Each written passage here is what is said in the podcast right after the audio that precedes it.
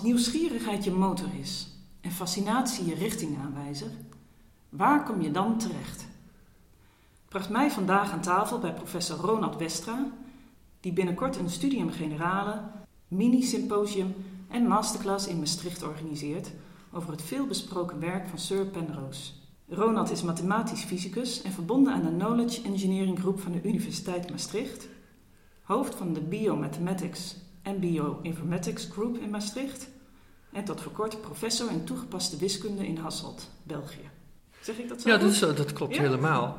En uh, ja, ik vind het heel erg leuk dat ik uh, met jou hierover kan uh, spreken. En ja, fascinatie. voor mij is dat het, het grensvlak tussen het bestuderen van de werkelijkheid om je heen, en dan heb je het over natuurkunde en sterrenkunde, maar dat kan ook biologie zijn, en uh, wiskunde. Maar het mooie van uh, juist de wiskunde is dat het een taal biedt om observaties te beschrijven. Newton is de eerste die de synthese maakte tussen experiment en wiskundige analyse. En hij is ook degene die voor het eerst de natuurwetten een wiskundig kader gaf. Het, het verschil tussen wiskunde en, en, natuurwetenschappen is dat je een aantal definities maakt, een aantal elementen benoemt die niet per se hoeven te bestaan in, in de wiskunde. Bijvoorbeeld een begrip als massa, een begrip als kracht. Dus de combinatie van natuurkundige begrippen, het idee van een deeltje, het idee van ruimte en tijd, combineren met een wiskundige beschrijving. En, dat heeft dus uh, Newton wel gedaan. Hij heeft een kader geschapen waarin dat exact beschreven kan worden. Exact is hier de juiste formulering. En met zijn drie wetten, die eigenlijk maar twee wetten zijn, want de eerste twee zijn eigenlijk dezelfde, uh, is het mogelijk met enorme precisie bewegingen uh, onder actie te beschrijven. En uh, al, vooraleerst de beweging van hemellichamen. Met behulp van de drie wetten van Newton waren de wetten van Kepler en de observatie van Copernicus helemaal te beschrijven. En kon met enorme precisie zonsverduisteringen beschreven worden, omdat men in de gaten had hoe die bewegingen in elkaar zaten. Dat was een enorm succes. Uh, ja, je hebt wel het begrip de moeder van alle wetenschappen. De, dat kan niet overdreven worden hoe belangrijk dat inzicht van Newton was. En mijn fascinatie eigenlijk, en daar vind ik eigenlijk ook inspiratie bij uh, Roger Penrose bij, is over de natuurwetten. Roger Penrose gelooft, of heeft het idee, dat ook de natuurwetten uiteindelijk een wiskundige oorsprong hebben. Dus dat er geen andere mogelijkheid zou zijn voor de natuurwetten dan zoals ze zijn. F is m wel a, kan niet F is een half m a kwadraat zijn bijvoorbeeld. Het moet op die manier zijn. Maar als je nou kijkt naar bijvoorbeeld de wetten van Newton, of de Schrödinger-vergelijkingen in de kwantummechanica, of Einsteins veldvergelijkingen, dan zit daar iets arbitrairs in. Het had ook anders kunnen zijn. Eh, vooral het genie van Einstein heeft daar, is daar vaak eh, kort door de bocht gegaan. Hij heeft benoemd dat de kromming van ruimtetijd uh, gelijk is aan de massa-energiedichtheid. Maar er komt er dus op neer, die natuurwetten, die dus eigenlijk de basis zijn voor het wiskundig verder doorrekenen van allerlei uh, zaken die ik wil bestuderen in de natuur. Uh, bestaat daar keuzevrijheid in? Uh, keuzevrijheid in natuurwetten? Ja, dat is de vraag. Een heel goed voorbeeld daarvan is zogenaamd het standaardmodel van kwantumveldentheorie, of de standaard, standaardmodel voor elementaire deeltjes. Uh, in de loop van de vorige eeuw zie je twee grote theorieën in de natuurkunde opkomen. Enerzijds is relativiteitstheorie en uh, algemene relativiteitstheorie en speciale relativiteitstheorie. Ik vind dat zelf de meest elegante uh, theorie die er zijn en veel natuurkundigen vinden dat. Uh, en is duidelijk een consistent geheel. Het is het werk van één persoon, Albert Einstein, die dat zelf bedacht heeft uh, en die dat ook opgesteld heeft. En dat is gewoon af. Dat is, zit prachtig in elkaar, als een mooie compositie, zeg maar. andere is de kwantummechanica. Notabene is Einstein een van de founding fathers grondleggers van uh, de kwantummechanica. Maar het is een, een bouwwerk van heel veel mannen en vrouwen. Marie uh, Curie Skłodowska bijvoorbeeld, waar iedereen zijn steentje heeft bijgedragen. En als je naar kijkt, dan zie je het cement, de lijm er nog tussen zitten. Het, het, is, het is een beetje een slordige boekenkast, om het zo maar te zeggen.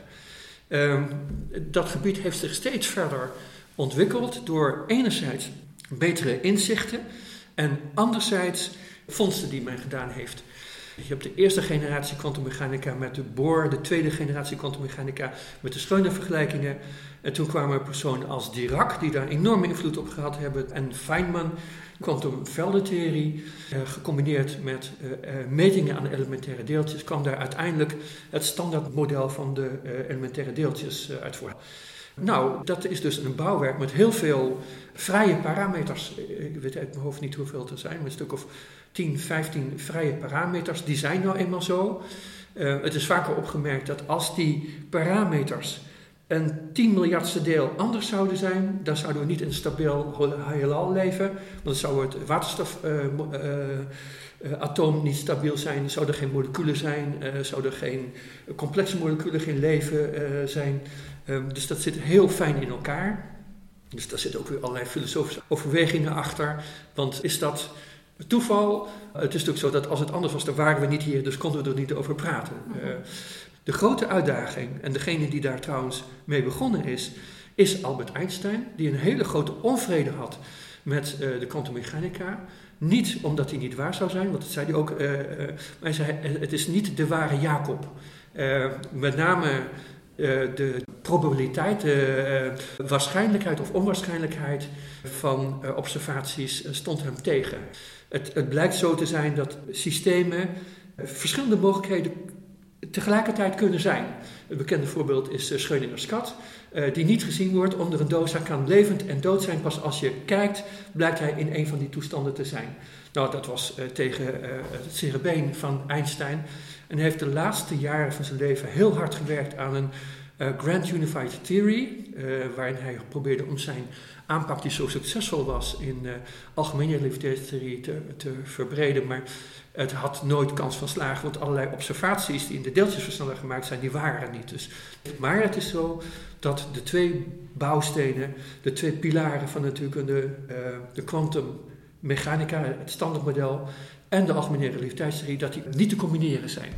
Uh, en uh, in hele specifieke gevallen, extreme gevallen, de Big Bang, uh, een zwart gat, spreken ze elkaar tegen of, of hebben ze geen uitspraak, hebben ze geen gemeenschappelijke uitspraak erover. dus dat is nog steeds een uitdaging. En ja, heel prominent in deze plaats is ja, Stephen Hawking die, en zijn leermeester, Roger Penrose, die daar heel duidelijke gedachten over heeft. Namelijk dat er nog een, een, een niveau is waarin dit wel vast ligt. Dus dat er geen andere mogelijkheid was dan het standaardmodel met zijn vreemde, uh, vreemde eigenschappen van symmetrieën en uh, gebrek aan symmetrieën. Ja. En ik begreep dat u ook hebt samengewerkt in het verleden met uh, Sir Roger Penrose. Nou, dat? dat? is te veel gezegd. Nee, nee, nee, nee. Okay. ik ik uh, heb hem hier te gast gehad en ik mocht uh, van gedachten met hem wisselen. En dat was al inspirerend genoeg. Dat was over een wiskundig onderwerp. En ehm, ja, het is ongelooflijk hoe focus die kan, uh, kan zijn. Dus, dus hij uh, kan uh, heel snel een situatie begrijpen die toch wel vrij complex is. En met hele originele ideeën komen en met een wiskundige oplossing. En, okay. Want ik wou net vragen inderdaad van wat fascineerde u toen? Nou, dat, dat hoor ik. Ja, ja, ja, dat ging heel erg snel. En uh, het is natuurlijk een grootheid, dus je wil hem ook, ook niet te veel interroperen. Dus hij heeft dat allemaal opgeschreven. Dus ik heb die velletjes nog waarin zijn ideeën staan. Maar ik kon, ik kon daar later niet meer goed uit reconstrueren wat nou de context was. In Utrecht had je een hoogleraar van de Blij wiskunde. En dat heette van de Blij effect. Dat als hij het uitlegde, dan snap je het helemaal. Maar als je het later moest herhalen, dan kon je er niet meer uitkomen. Ja, ja herkenbaar effect. Ja.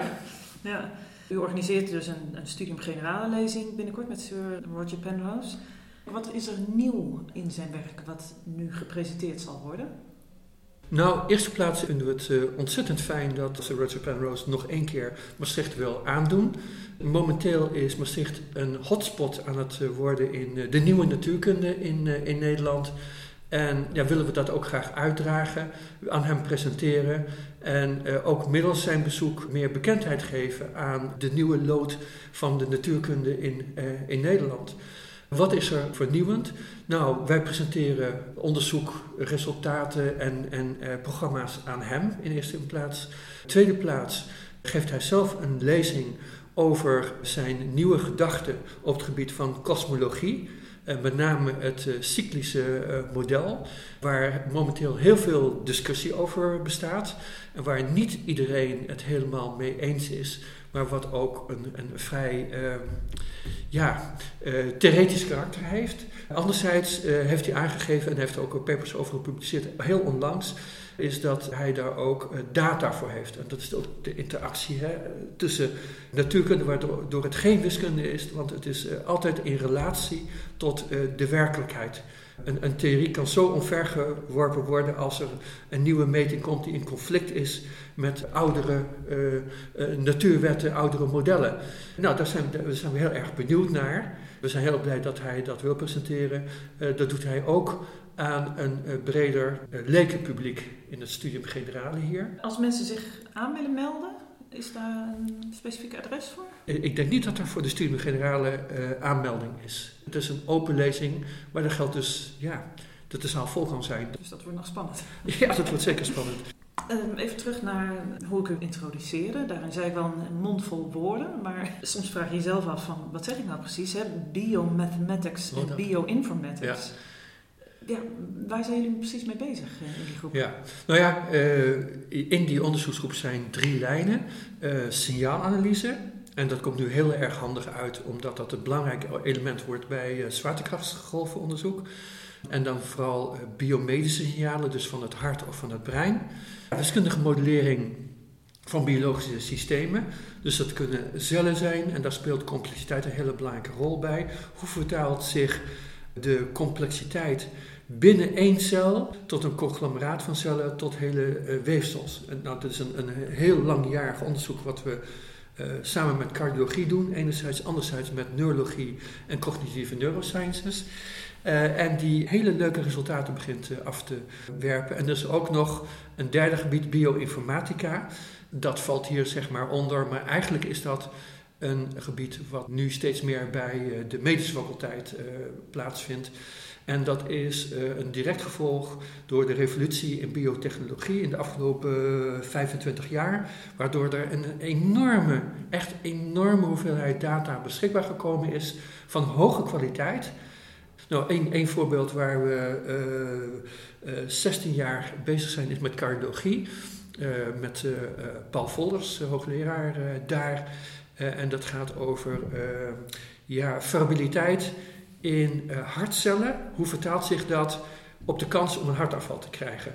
Het is bekend dat hartcellen, die geven zelf pulsjes af. Dat heet het actiepotentiaal. Daar zit een soort vari variabiliteit in. Dus de intervallen zijn niet even groot. En, maar die variabiliteit die relateert uiteindelijk tot de macroscopische, dus de grootschalige complexiteit van de elektrische golven over het hart.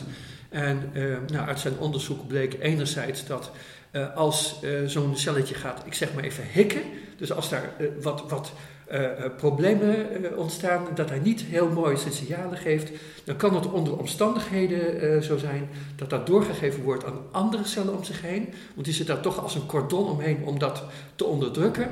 Maar onder bepaalde omstandigheden kan het zich doorzetten en kan er acuut opeens een hartaanval ontstaan.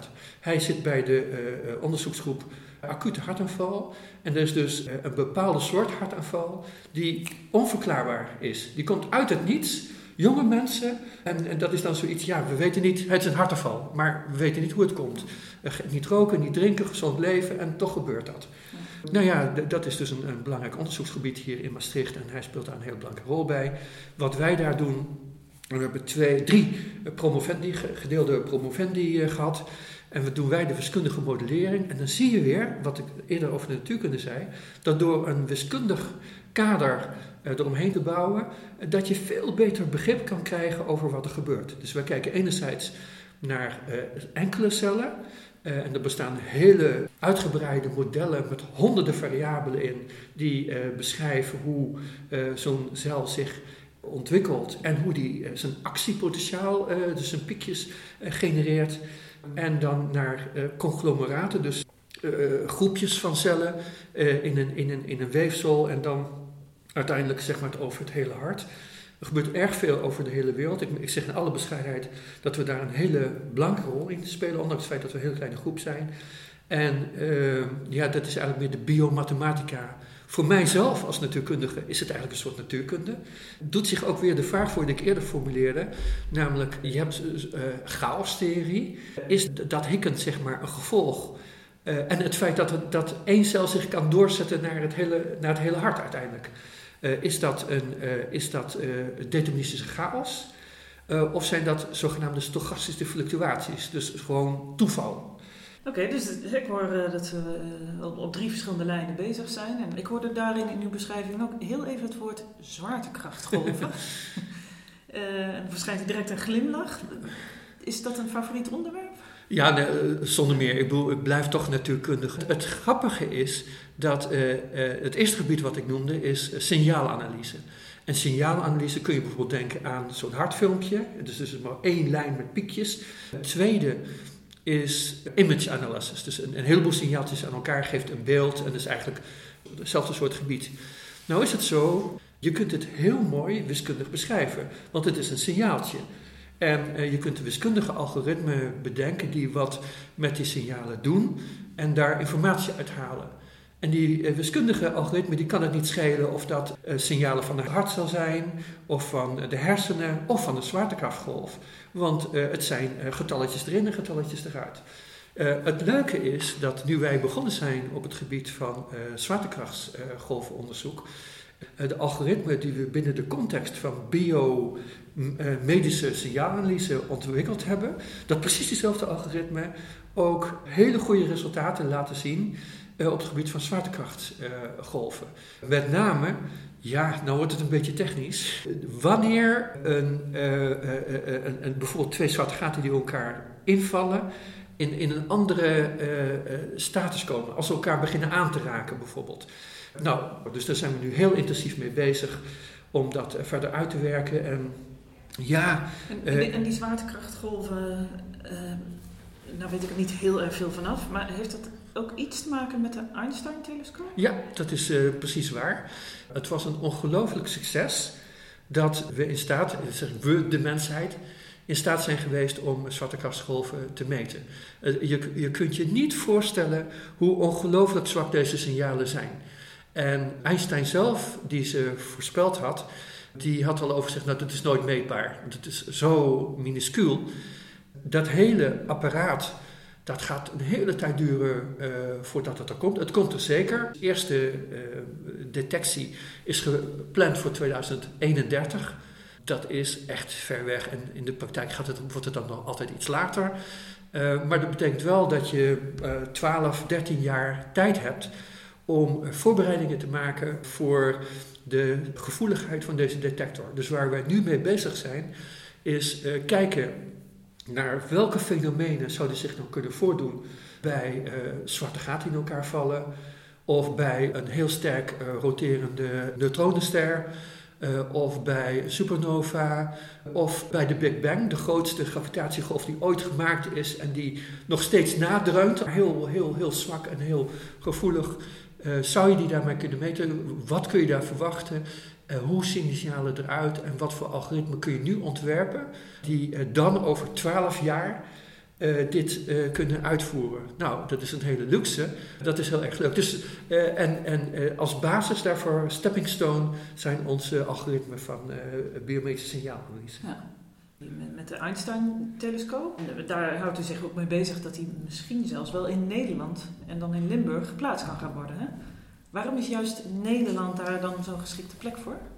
Die Einstein-telescoop die moet uh, natuurlijk in een heel stabiel gebied liggen. Uh, hij moet in een rotsachtige bodem liggen uh, en diep onder de grond. Dat betekent dus dat je in principe, laat zeggen, als 100 meter onder de grond moet komen, dus minimum, dan moet je dus als het ware een kleilaag hebben van 100 meter waar je makkelijk door graaft. En dan moet je een stabiele rots hebben waar je makkelijk in kunt boren. Nou zijn er in Europa drie gebieden die het meest voor de hand liggen. Ergens in Hongarije, ergens in Sardinië en in Nederland. Wij hebben hier in Zuid-Limburg, en dat is dan uniek van Zuid-Limburg.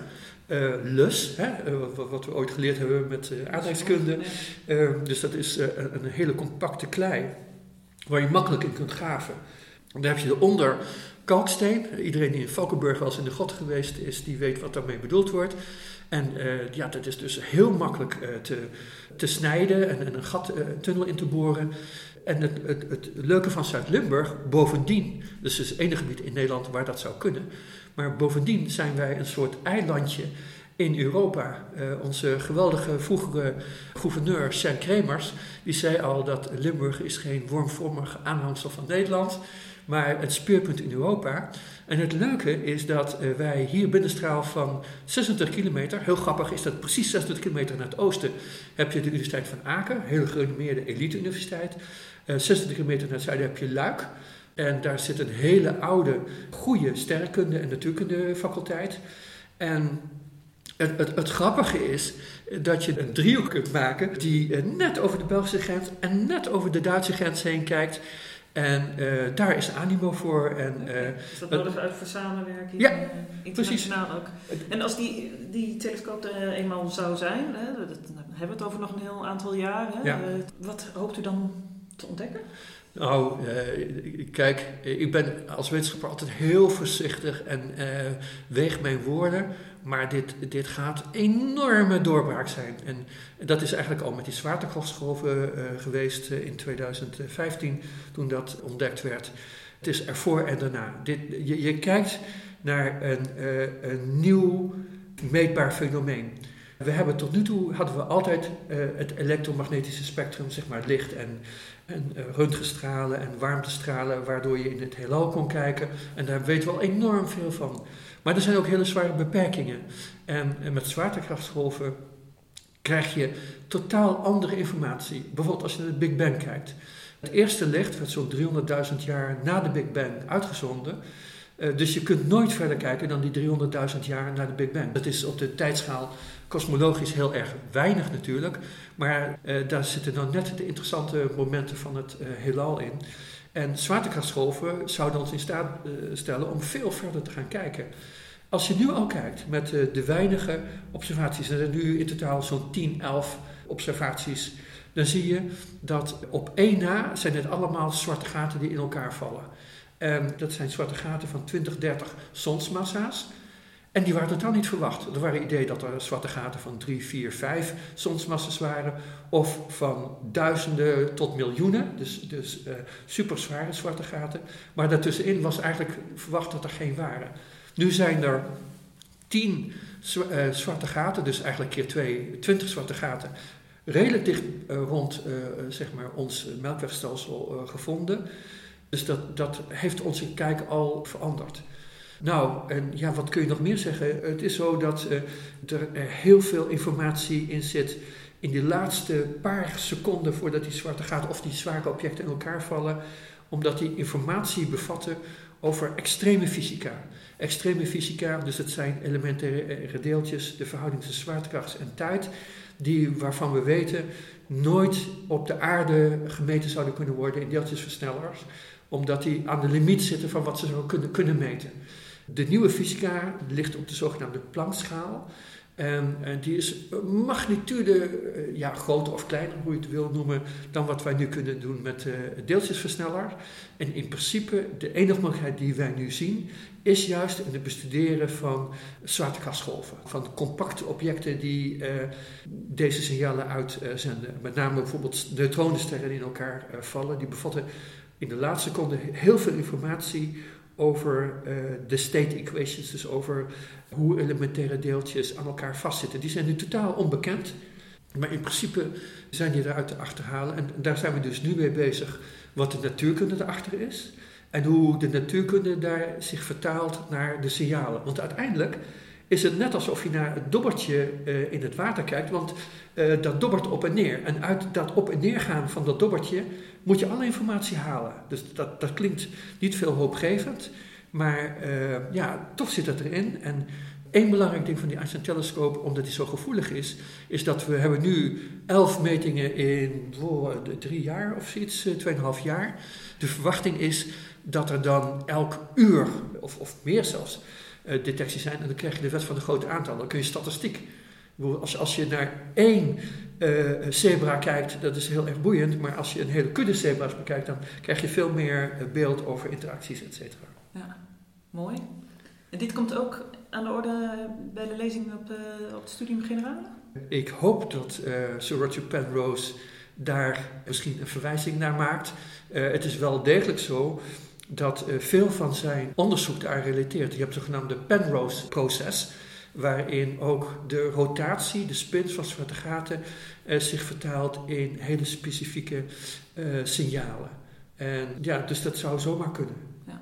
Ja. Maar het mooie ervan is dat de technologie, betere technologie, maakt in staat om nog nauwkeuriger metingen te maken, waardoor je betere wetenschap kunt doen, waardoor je betere wetten krijgt, waardoor je betere technologie kunt maken. Dus dat heet ook wel de spiraal van de wetenschap, dat technologie en wetenschap elkaar omarmen en uh, uh, tot steeds betere resultaten weten te maken. En wiskunde biedt een kader en die maakt ook een evolutie door, want je ziet bijvoorbeeld bij, met name bij de kwantummechanica, uh, en dat is vooral het werk van Dirac, die heeft hele grote bijdrage geleverd aan de wiskunde. Op een manier die de wiskundigen op dat moment totaal niet apprecieerden. Uh, de zogenaamde maattheorie. Omdat theoretische natuurkundigen zijn geïnteresseerd in het resultaat. Wat je ermee kunt doen. Die hebben een fenomeen en die willen dat begrijpen en beschrijven. En daarin zijn ze ongelooflijk slordig in de wiskunde. Dat zullen de meeste eh, theoretische, niet allemaal, maar de meeste theoretische natuurkundigen zullen dat met mij eens zijn. En wiskundigen die zijn natuurlijk exact die uh, zijn gefascineerd door de schoonheid van de uh, wiskunde, de zuiverheid van de wiskunde. Dirac die heeft uh, de delta-functies geïntroduceerd, zoals het heet, in de 40er jaren. Maar de wiskundigen zijn tot in de 70er jaren bezig geweest met het ontwikkelen van de maattheorie, zoals dat heet. waarin dat dan voldoende afgedekt is. En je ziet dat proces eigenlijk nu, nu verder gaan, bijvoorbeeld in snaartheorie, stringtheorie. Dat is zo'n nieuw gebied dat er geen wiskunde voor uh, bestaat. Orbert Dijkgraaf die houdt zich daar heel erg uh, mee bezig. Dus er moet nieuwe wiskunde ontwikkeld worden om in elfdimensionale ruimte, die je intuïtief niet meer kunt voorstellen, maar wel te, kunt rekenen, uh, wat er aan de hand is, hoe vormen eruit zien. Uh, elfdimensionale ja, ruimte? Ja, wow. 10 tot elfdimensionale ruimte, afhankelijk van welke theorie je bekijkt. M-theorie bijvoorbeeld. En het, het grote probleem daar is dat de grenzen van de wiskunde bereikt zijn. Differentiaal topologie, zoals het heet. Dus om, hoe, hoe beschrijf je vormen? En er zitten bijvoorbeeld gaten in. En, en, en hoeveel gaten en hoeveel lussen en strikken. En zijn ze verstrengeld met elkaar? Hoe wil je dat in hemelsnaam beschrijven in elf dimensies? Helemaal los van het feit dat dat op de zogenaamde Planckschaal zit. Zodat uh, metingen niet mogelijk zijn met onze deeltjesversneller en dan ook magnitude uh, niet beschreven kunnen worden. Maar ja, ik noem het als voorbeeld van waar nieuwe wiskunde ontwikkeld uh, wordt. Ik zit hier in, de, in Maastricht in de voormalige groep wiskunde, die zo'n tien jaar geleden met informatica samengevoegd is en nu kennistechnologie heet. de collega's zijn wiskundigen van huis uit. Die zijn gefascineerd door echt de wiskunde aan zich minder wat je ermee kunt doen. En uh, ja, de discussie tussen theoretisch natuurkundige en, en wiskundige is vaak dat wiskundigen veel beter uh, de basis beschrijven, de structuur beschrijven en daar ook bewijzen voor leveren, wat, wat essentieel is om, om, om te kunnen geloven dat iets werkt. Terwijl uh, natuurkundigen die willen als het ware een hamer en een tang, die, die willen het al gebruiken en die gaan dat ook al gebruiken terwijl het nog niet bewezen is dat het werkt. Wat voor uh, wiskundige een, een, vloeken in de kerk is. Dus in dat spanningsveld uh, zit jij hier nu met... Uh, ja, ik, ik ben in die zin geen wiskundige. Nee. Ik waag mij niet aan bewijzen. Maar ik ga wel nieuwe wiskunde, als je dat wil, toepassen of ontwikkelen. Dat vind ik heel erg boeiend. Ik denk dat juist in de discussie, de synergie tussen wiskunde en theoretische natuurkunde heel veel kruisbestuiving bestaat.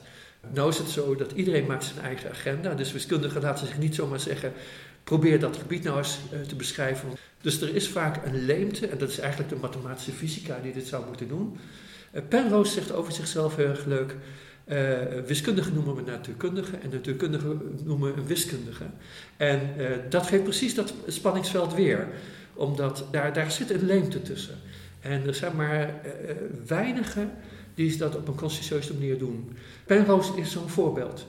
Zijn grote leerling, hè, Weilen Stephen Hawking, was meer een natuurkundige in dat, in dat opzicht. Dus die was vol met creatieve en intuïtieve ideeën. En ging niet per se nieuwe wiskunde ontwikkelen of laat staan bewijzen. Uh, Robert Dijkgraaf is, is wel iemand die in beide gebieden goed thuis is. Uh, Witten, Ed Witten in de Verenigde Staten, is, is ook iemand die in beide gebieden wel, wel thuis is, maar toch ook vooral nieuwe wiskunde ontwikkeld voor snaartheorie. Ja. Wauw. Volgens mij kunnen we hier nog uren over doorpraten. Ik zie u ja knikken. Maar de, de tijd ontbreekt ons rest mij op dit moment uh, in geval om een heel hartelijk uh, dank uit te spreken voor je bijdrage aan deze podcast. En uh, de stimulans die je geeft om vooral onze fascinatie hierin te volgen. Nou, ik wil dat graag gedaan en ik wil het eigenlijk omkeren, want ik geniet hiervan om het te kunnen vertellen en het helpt mij ook om mijn gedachten te ordenen. Dus dank je aan jou. Dankjewel, Ronald Vestra.